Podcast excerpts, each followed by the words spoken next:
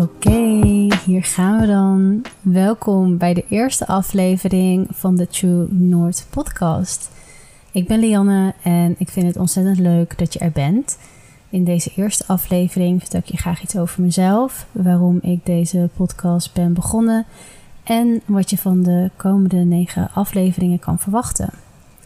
In de verschillende afleveringen zal je me straks één vraag elke keer horen stellen aan de gasten. Hoe was jij als kind?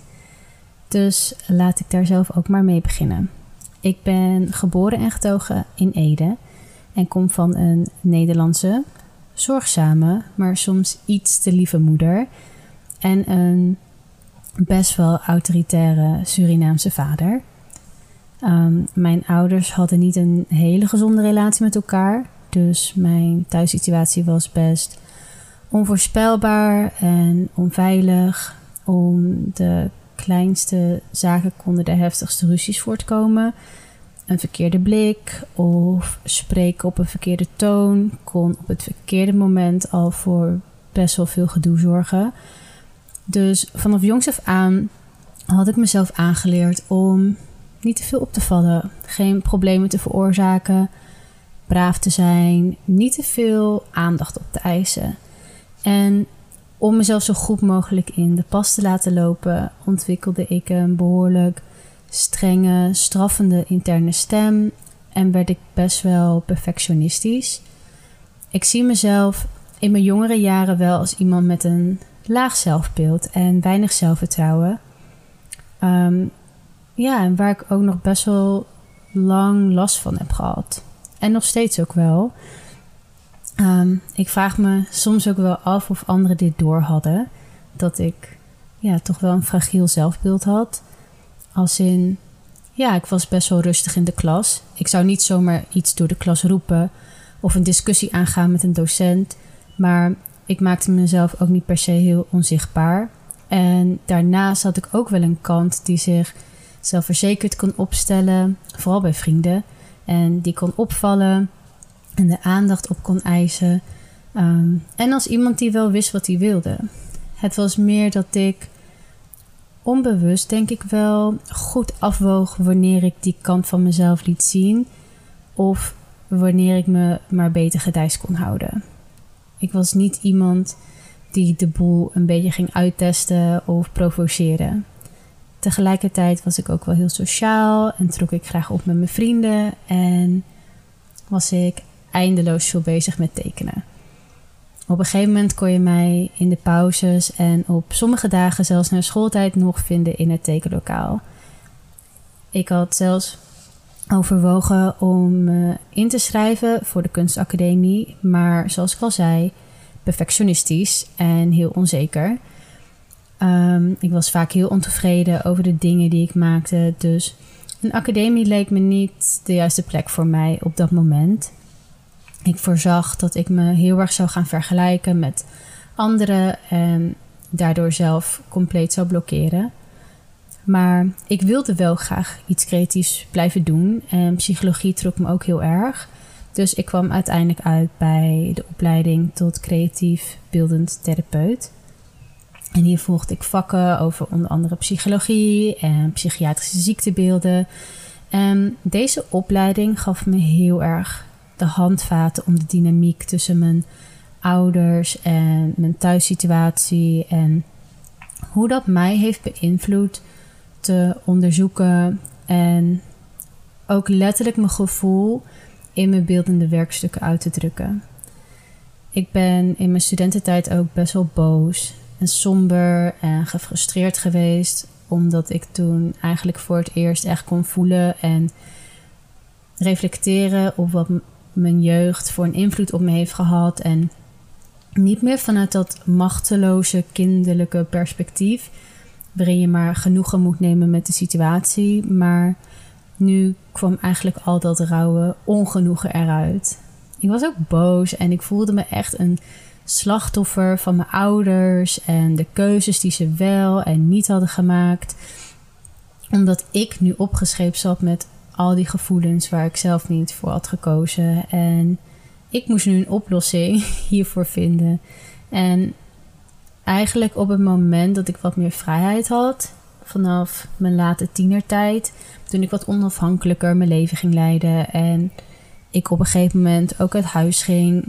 Werd pas duidelijk hoe slecht mijn basis in mezelf was.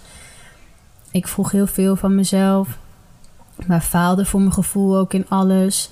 Door de week was ik heel strikt. En in het weekend was ik vaak een ongeleid projectiel. Als ik alsof ik de energie van mijn autoritaire vader en mijn toegevelijke moeder op een soort chaotische manier geïnternaliseerd had.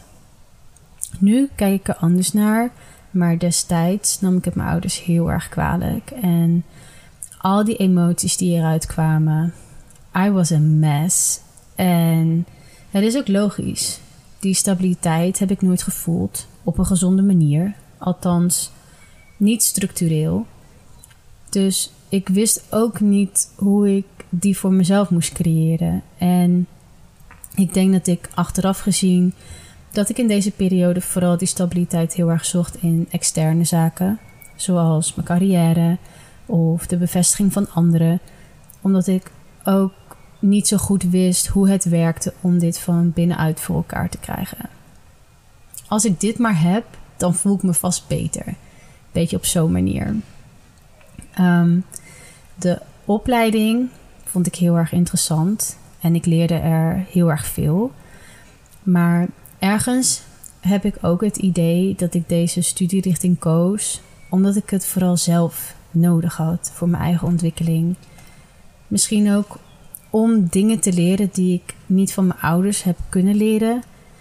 Ehm, maar toch was er dat gevoel van twijfel of ik nu wel echt een therapeut hoorde te zijn. Maar toen ik mijn diploma had behaald, heb ik die twijfel aan de kant gezet, denk ik. En besloot ik er helemaal voor te gaan. En ben ik best een tijd gefocust geweest op het najagen van een carrière als beeldtherapeut. Nu was er helaas niet heel veel werk in te vinden. Dus ik werkte op verschillende plekken sommige plekken met heel veel plezier, maar ook plekken waar ik het soms echt verschrikkelijk vond. Maar ik pakte alles aan wat ik kon pakken. Alles zodat ik uiteindelijk een fulltime baan zou kunnen krijgen. En ik was echt aan het opereren om een zo goed en interessant mogelijk cv op te bouwen. Voor de astrologie-liefhebbers onder ons, ik ben echt een heavy Capricorn, een steenbok. Dus ik kan heel doelgericht en vastberaden en ambitieus zijn als ik ergens mijn zinnen op heb gezet. Wat hele mooie eigenschappen kunnen zijn. Maar ze kunnen ook een ongezonde vorm aannemen. Want in dat proces om mezelf op te werken en een carrière uh, te maken, heb ik mezelf niet vaak genoeg afgevraagd of ik nog wel plezier had en aan het genieten was van het pad dat ik had gekozen. Ik was ergens aan begonnen en ik vond dat ik dat gewoon moest afmaken. En ik realiseerde me niet dat gewoon doorzetten niet altijd de meest gezonde mindset is. Mm, maar ik had ook altijd heel erg het gevoel dat ik op mijn tenen liep in mijn werk als therapeut. Deels was het omdat ik veel van mezelf vroeg al meer van mezelf verwachten dan waar ik überhaupt kon staan als beginnend therapeut. Maar deels was het ook omdat ik zelf nog zo zoekende was. Ehm, in mijn werk probeerde ik iets te geven aan patiënten waar ik, wat ik in mezelf nog niet had gevonden. En don't get me wrong, ik heb ook hele fijne, interessante en vooral mooie momenten meegemaakt in mijn werk um, als therapeut. Maar nu ik achteraf naar kijk, zie ik wel dat ik niet in een goede energy zat. Mijn basis was nog niet echt goed en ik moest echt nog wel mijn weg naar mezelf zien te vinden. En ik weet nog goed vanaf welk moment dat balletje eindelijk ging rollen. Ik was op een symposium, dus ik volgde een heel weekend lezingen en workshops over beeldende therapie met verschillende gastsprekers. En op een gegeven moment was er een lezing van een psychotherapeut, geloof ik, die vertelde over een sessie met een cliënt. En hij had haar een tekening laten maken. En hij maakte vervolgens een link tussen haar tekening en shamanisme. Waarschijnlijk deed haar tekening hem denken aan een shamanistische vormgeving of beeltenis. Eerlijk gezegd, ik weet niet meer zo heel erg goed wat hij precies zei. Maar door dat verband wat hij maakte, klikte er ineens iets in mijn hoofd. Doordat hij vertelde over hoe hij een stukje kennis over shamanisme kon gebruiken om de tekening van zijn cliënt in een soort groter plaatje te trekken en er betekenis aan te geven, voelde ik me ineens helemaal geïnspireerd om ook zoiets te gaan bestuderen. Vooral nu ik zag hoe iemand anders deze kennis zo mooi toepaste in zijn behandelingen. En op dat moment in mijn leven was een goede beeldend therapeut worden mijn grootste doel, mijn grootste focus. Dus veel dingen die ik deed, moesten ook aan dat doel bijdragen. Maar nu had ik eigenlijk altijd het idee meegekregen dat bepaalde onderwerpen niet echt oké waren om te onderzoeken. Ik ben opgevoed als christen. We waren niet per se heel streng of praktiserend. We gingen bijvoorbeeld niet naar de kerk, maar we bidden wel voor het eten. Ik zat op een christelijke basisschool. Maar verder was het niet heel opvallend aanwezig in mijn dagelijks leven. Maar Jezus aannemen als de zoon van God, de verlosser, was wel een belangrijke voorwaarde om een goede christen te zijn, zo, zoals ik het altijd begrepen heb. Er werd thuis gesproken over een hemel, een hel, een duivel, een eindtijd. Soms konden de verhalen aan de eettafel zelfs een beetje in de complotsferen raken. Wat ik trouwens echt ontzettend interessant vond. Er is altijd wel iets in mij geweest wat het occulte en het mysterieuze, het symbolische, het verborgene heel interessant vond. Maar zaken als hekserij, tarot, astrologie werd in het christendom bestempeld als duivels. En uiteraard waren andere vormen van religie of spiritualiteit ook niet zoals eh, God het bedoeld had. En ja, mijn ouders zouden me nooit verboden hebben om bepaalde dingen te onderzoeken, maar soms is een gevoel al genoeg en het voelde alsof het niet oké was. Ehm, maar om eerlijk te zijn, ik noemde mezelf alleen christen omdat ik, zo, omdat ik dat zo mee heb gekregen. En het idee had dat dat was hoe het moest, hoe het hoorde. Maar achteraf gezien voelde ik er niets bij. En dat had ik eigenlijk al van kinds af aan. Als ik er iets bij voelde, was het weerstand en onzekerheid. Ik begon me dingen af te vragen als: wat maakt iemand een goed mens in Gods ogen? Wat maakt de ene religie anders of beter? Want is het in essentie niet allemaal hetzelfde, maar dan in een ander jasje? En hoe onvoorwaardelijk heeft God echt lief als de voorwaarde is dat je Jezus moet aannemen als zijn zoon? In mijn beleving klopte er gewoon veel niet. En het resoneerde ook steeds minder met hoe ik zelf naar het leven begon te kijken en wat ik belangrijk begon te vinden. En God, zoals hij in de Bijbel beschreven werd, voelde voor mij persoonlijk niet heel liefdevol. En ik weet dat veel mensen er wel heel veel liefde bij voelen. Uh, bij het verhaal van Jezus als de verlosser. En heel veel steun halen uit de Bijbel. En dat is super mooi. Het is sowieso heel mooi als je kracht kan halen uit iets groters dan jezelf. En dat zag ik ook bij mijn familie, dat het hen echt raakte. Maar voor mij persoonlijk raakte het niet. En zoals ik al zei, ik had een neiging om zo braaf mogelijk te willen zijn en in de pas te lopen en te doen wat een ander van mij verwacht. Dus het heeft ook best wel lang geduurd voordat ik echt kon toegeven dat het christendom niet voor mij was. En mezelf ook echt los kon zien van mijn ouders en waar zij in geloofden. En mezelf meer te zien als een eigen individu met een eigen visie. En dat het ook oké is als dat anders is dan van anderen. Dus door die ervaring in 2019 behoorde shamanisme ineens niet meer tot de verboden vruchten. Want ik kon het inzetten voor mijn werk en het zou me kunnen helpen om te groeien als therapeut. En dat was op dat moment ook nog wel echt een bruggetje dat ik nodig had. Ehm, maar als shamanisme niet meer verboden was, werden heel veel andere dingen ineens ook vrij om te gaan onderzoeken in mijn beleving. Dus het was nu de vraag: wat zou ik eens kiezen? En ik koos uiteindelijk voor astrologie. Ehm, dat is namelijk iets wat ik altijd al van kinds af aan super interessant vond. Ik durfde er alleen nooit echt in te duiken, behalve af en toe mijn horoscoop lezen. Maar ik denk dat er altijd iets is geweest met beeldtaal wat me heel erg trok. En hoe dat zoveel informatie geeft op een symbolische en impliciete manier. Hierdoor vond ik kunstgeschiedenis zo geweldig op school en ben ik beeldende therapie gaan studeren. Koos ik ervoor om te gaan verdiepen in astrologie en fascineerde uh, later ook de taromen.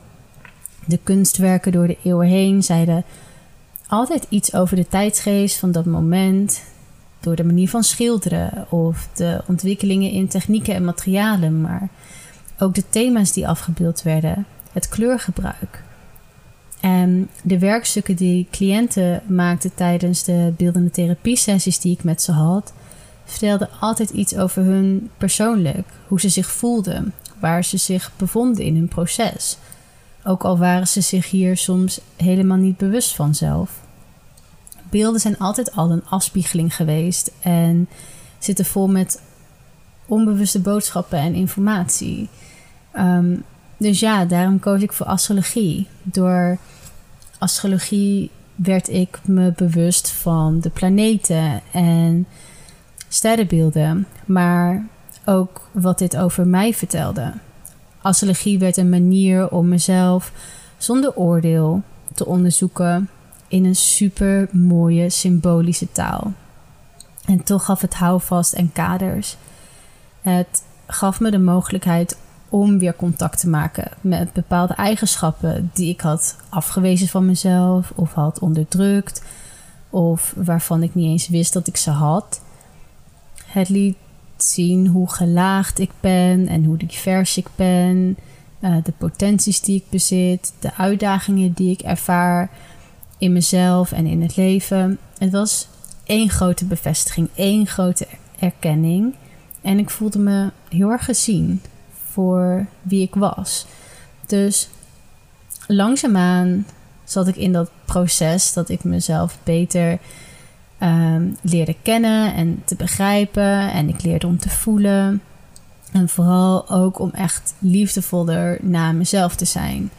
En het concept van God veranderde voor mij. Ik werd geïntroduceerd aan een spirituele wereld vol met gidsen die er blijkbaar zijn om je te steunen en te begeleiden. En ondanks dat ik altijd hele lieve vrienden heb gehad, heb ik me ook wel eenzaam gevoeld door mijn eigen angsten en sociale onzekerheden. En het idee dat er gidsen zijn, of engelen, voorouders, wie of wat het ook zijn, die er ja, onvoorwaardelijk voor me zijn en die me blijkbaar door alle bullshit hebben gesteund en me kracht hebben gegeven wanneer ik het nodig had. En me dus eigenlijk nooit echt alleen hebben gelaten, zorgde ervoor dat ik God weer als dichtbij kon ervaren en als iets liefdevols. Maar ja, dan wel op een andere manier dan hoe mijn ouders het me ja, hebben geprobeerd mee te geven. Ik was al die tijd vooral heel erg gedreven door wat ik van mezelf moest. En ik liet mezelf niet heel erg leiden door de vraag: wat, wat wil ik? Maar langzaamaan begon dat te verschuiven. Alles wat ik op dit nieuwe pad leerde, in meer of mindere mate over energieën, leven met de maan, edelstenen, astrologie en tarot, meditaties, rituelen. Het gaf me heel veel plezier en het was een manier om de liefde voor mezelf te ontwikkelen. Ik vond het allemaal zo interessant en het wakkerde echt iets in me aan. Ik begon weer te ervaren hoe plezier voor me voelde. En dat is tegelijkertijd ook de keerzijde van dit hele proces. Want ja, het gaf me heel veel inspiratie. zelfvertrouwen en houvast. Het voelde eindelijk alsof de dingen op de juiste plek aan het landen waren. Maar ook het kaartenhuis waar ik zo doelgericht ehm, aan het bouwen was, bleek gewoon helemaal verkeerd. Want hoe meer je ook realiseert wie je echt bent, hoe meer je ook realiseert wat dus niet bij je past. En die realisatie kreeg pas echte ruimte toen ik in 2021 COVID kreeg. Ik was gelukkig niet heel erg ziek, misschien twee dagen koorts. Verder niet benauwd of iets. Daarna ging het eigenlijk ook wel weer prima. Behalve dat ik moe bleef. Als in een vermoeidheid waar ik maar niet vanaf kwam. Ik probeerde nog wel naar werk te gaan, maar dan kwam ik huilend aan. Omdat ik al helemaal kapot was van de reis er naartoe. Ik had soms enkel en alleen de energie om van het bed naar de bank te verplaatsen. Met geluk een stukje wandelen of boodschappen doen, maar laat staan om te gaan werken. Alles was te veel. Een appje van een collega of van een vriend, ik, ik trok het gewoon niet. Ik wilde met rust gelaten worden en ik raakte mezelf wel echt kwijt. Ik was echt helemaal leeg. Ik genoot nergens meer van. Alles in mij wat gepassioneerd, enthousiast uh, en grenzeloos kon genieten, het was weg. Op een gegeven moment bleef die vermoeidheid zo lang dat ik ook wel na begon te denken of die vermoeidheid misschien een diepere betekenis had. Meer dan alleen een COVID-nasleep. Het idee dat ik op een gegeven moment weer terug moest naar mijn werk vond ik echt vreselijk. Ik wilde eigenlijk ook niet meer beter worden. En ik realiseerde me dat ik met een gigantisch zware rugzak aan het rennen was. En zolang ik bleef rennen, ging dat goed. Maar nu was ik plat op mijn bek gegaan en voelde ik hoe zwaar ik het had en het lukte me gewoon niet meer. Het duurde even, maar op een gegeven moment wist ik gewoon dat ik moest stoppen.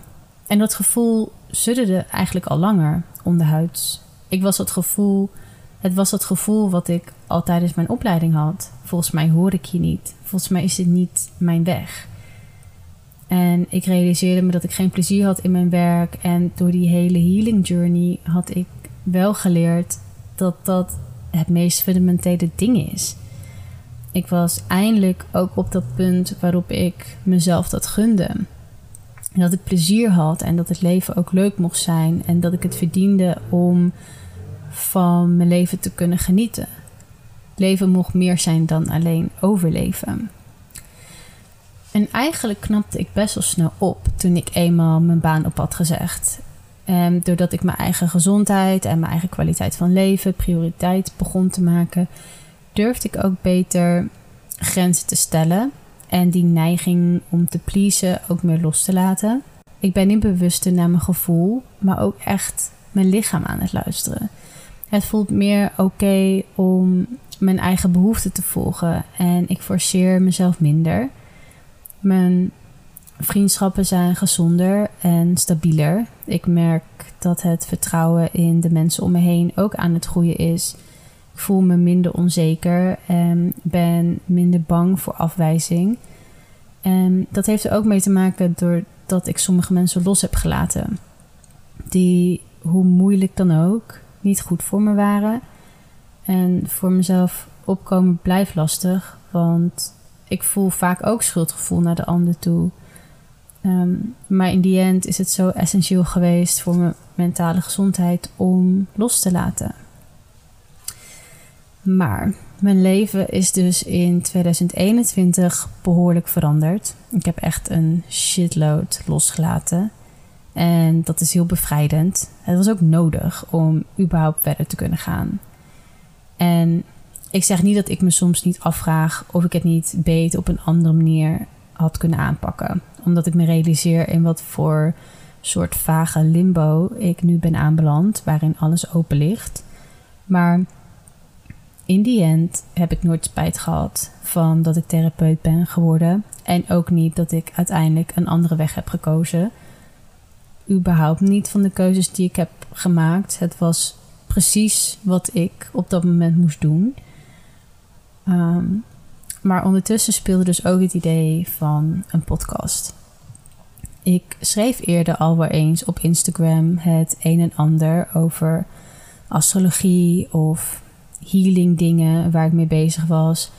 Maar ik merkte dat ik geen zin meer had om te schrijven. Ik wilde gewoon kletsen. Ehm, met de podcast voelde ik eindelijk weer ideeën stromen. Voelde ik weer passie en enthousiasme. Had ik weer inspiratie. Nadat ik dat zo lang niet meer had gehad. Omdat ik gewoon leeg was. Ik had natuurlijk altijd veel getekend en geschilderd. Maar daarbij voel ik zo'n druk om een soort meesterwerk te maken dat ik er eigenlijk geen plezier meer in kon ervaren en niks goed genoeg voelt. Dus het voelde ook niet meer als het juiste medium om mijn creativiteit in kwijt te kunnen. Maar nu ik met deze podcast bezig ben, ben ik alsnog iets aan het creëren en zie ik dezelfde ingrediënten die me ook trokken naar het werk als therapeut. Het werken met mensen en hun verhaal horen en ook mensen het gevoel geven dat hun verhaal ertoe doet en dat zij ertoe doen. Want ik geloof heel erg dat er in iedereen heel veel kracht schuilt en dat we heel veel kracht uit elkaar kunnen halen. Ook al zien of voelen we het zelf even niet. En we hoeven heus geen wijze oude geleerden te zijn om onze eigen wijsheden te kunnen en mogen delen met anderen. En we hoeven het nog niet helemaal uitgevogeld te hebben om gehoord en gezien te mogen worden. Daarom ook de titel True North. We zijn allemaal onze weg aan het vinden, proberen in contact te komen met ons innerlijk kompas en te volgen wat goed voelt en wat het juiste pad en de juiste richting voor ons is. En af en toe verdwalen we, maar is dat nou echt zo erg? Misschien heb ik dat ook wel geleerd in deze periode, dat het niet zo erg is om te verdwalen. We leven in het Westen in een prestatiemaatschappij. Het hebben van controle en een sterk imago. En als het even kan, een imposante carrière geeft ons een lekker gevoel. Zo worden we van kleins af aan al geprogrammeerd. We idealiseren het jagen, het oogsten van veel en grote successen en vooruitgang. En niet dat dat erg is, maar dan hoeven dingen zoals fantaseren en dromen en stilstaan en pauzeren en spelen, experimenteren, kliederen en gewoon een beetje aankloten, toch niet te onderschatten of te disqualificeren. Ik heb in ieder geval iets meer geleerd om het niet weten ook wat meer ruimte te geven en erop te vertrouwen dat het dan nog steeds goed komt.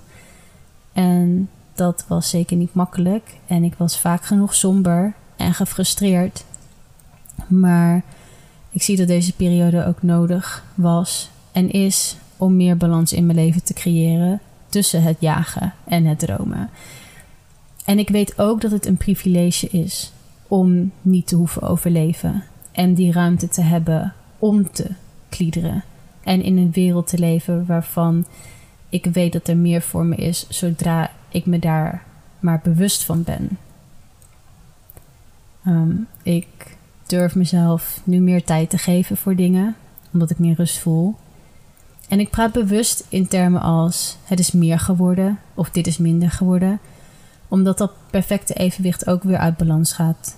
Ik ben dynamisch, in beweging en in ontwikkeling. Ik ga door verschillende fases heen. En soms zal ik weer even terugvallen. En andere momenten groei ik vast weer wel de goede kant op. Er zijn ook momenten dat ik die rust minder gevoeld heb de laatste tijd. En dan ben ik weer geneigd om te doen wat ik denk dat anderen van mij zouden willen zien. Ik heb daar wel een voorbeeld bij toen ik deze podcast aan het maken was. Ik had dus best duidelijk een beeld hoe ik deze podcast wilde maken, al vanaf het begin.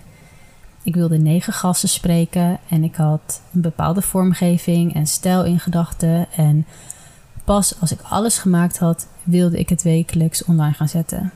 Nu ging het begin behoorlijk snel, omdat ik ook mensen sprak uit mijn eigen netwerk. Maar toen moest ik mensen vinden buiten mijn netwerk en toen ging het ineens een stuk langzamer allemaal.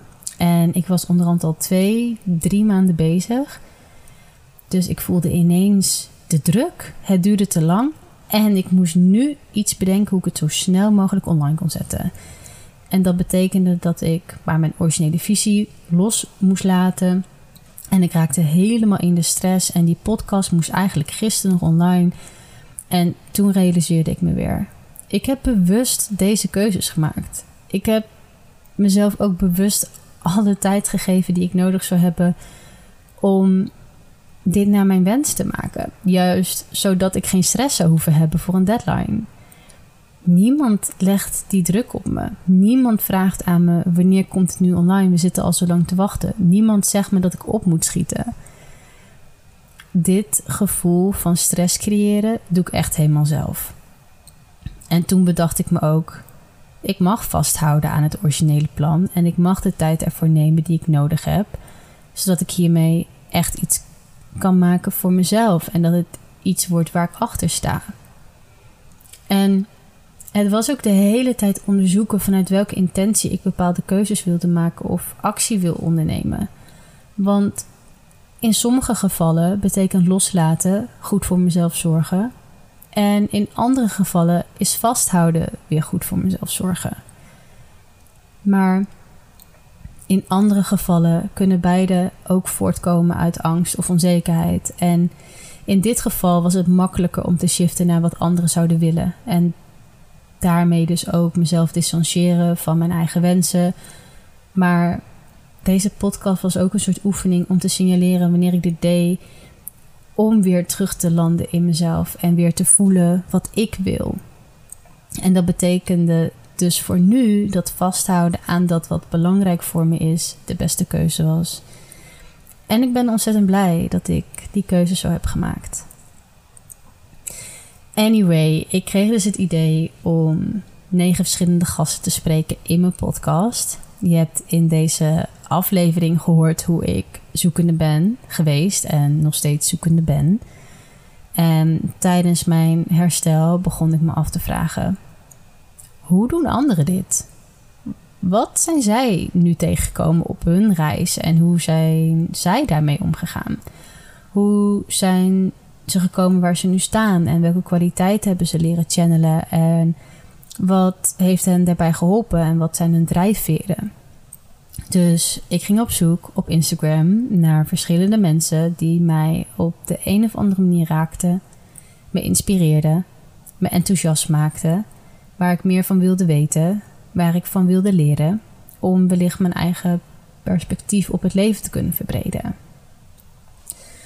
De gasten zijn heel divers qua persoonlijkheid, hoe ze naar het leven kijken, waar ze zich mee bezighouden. Ik spreek met content creators over hun stijl en fashion. Ik spreek met een danseres die sensual dance classes geeft om vrouwen te empoweren.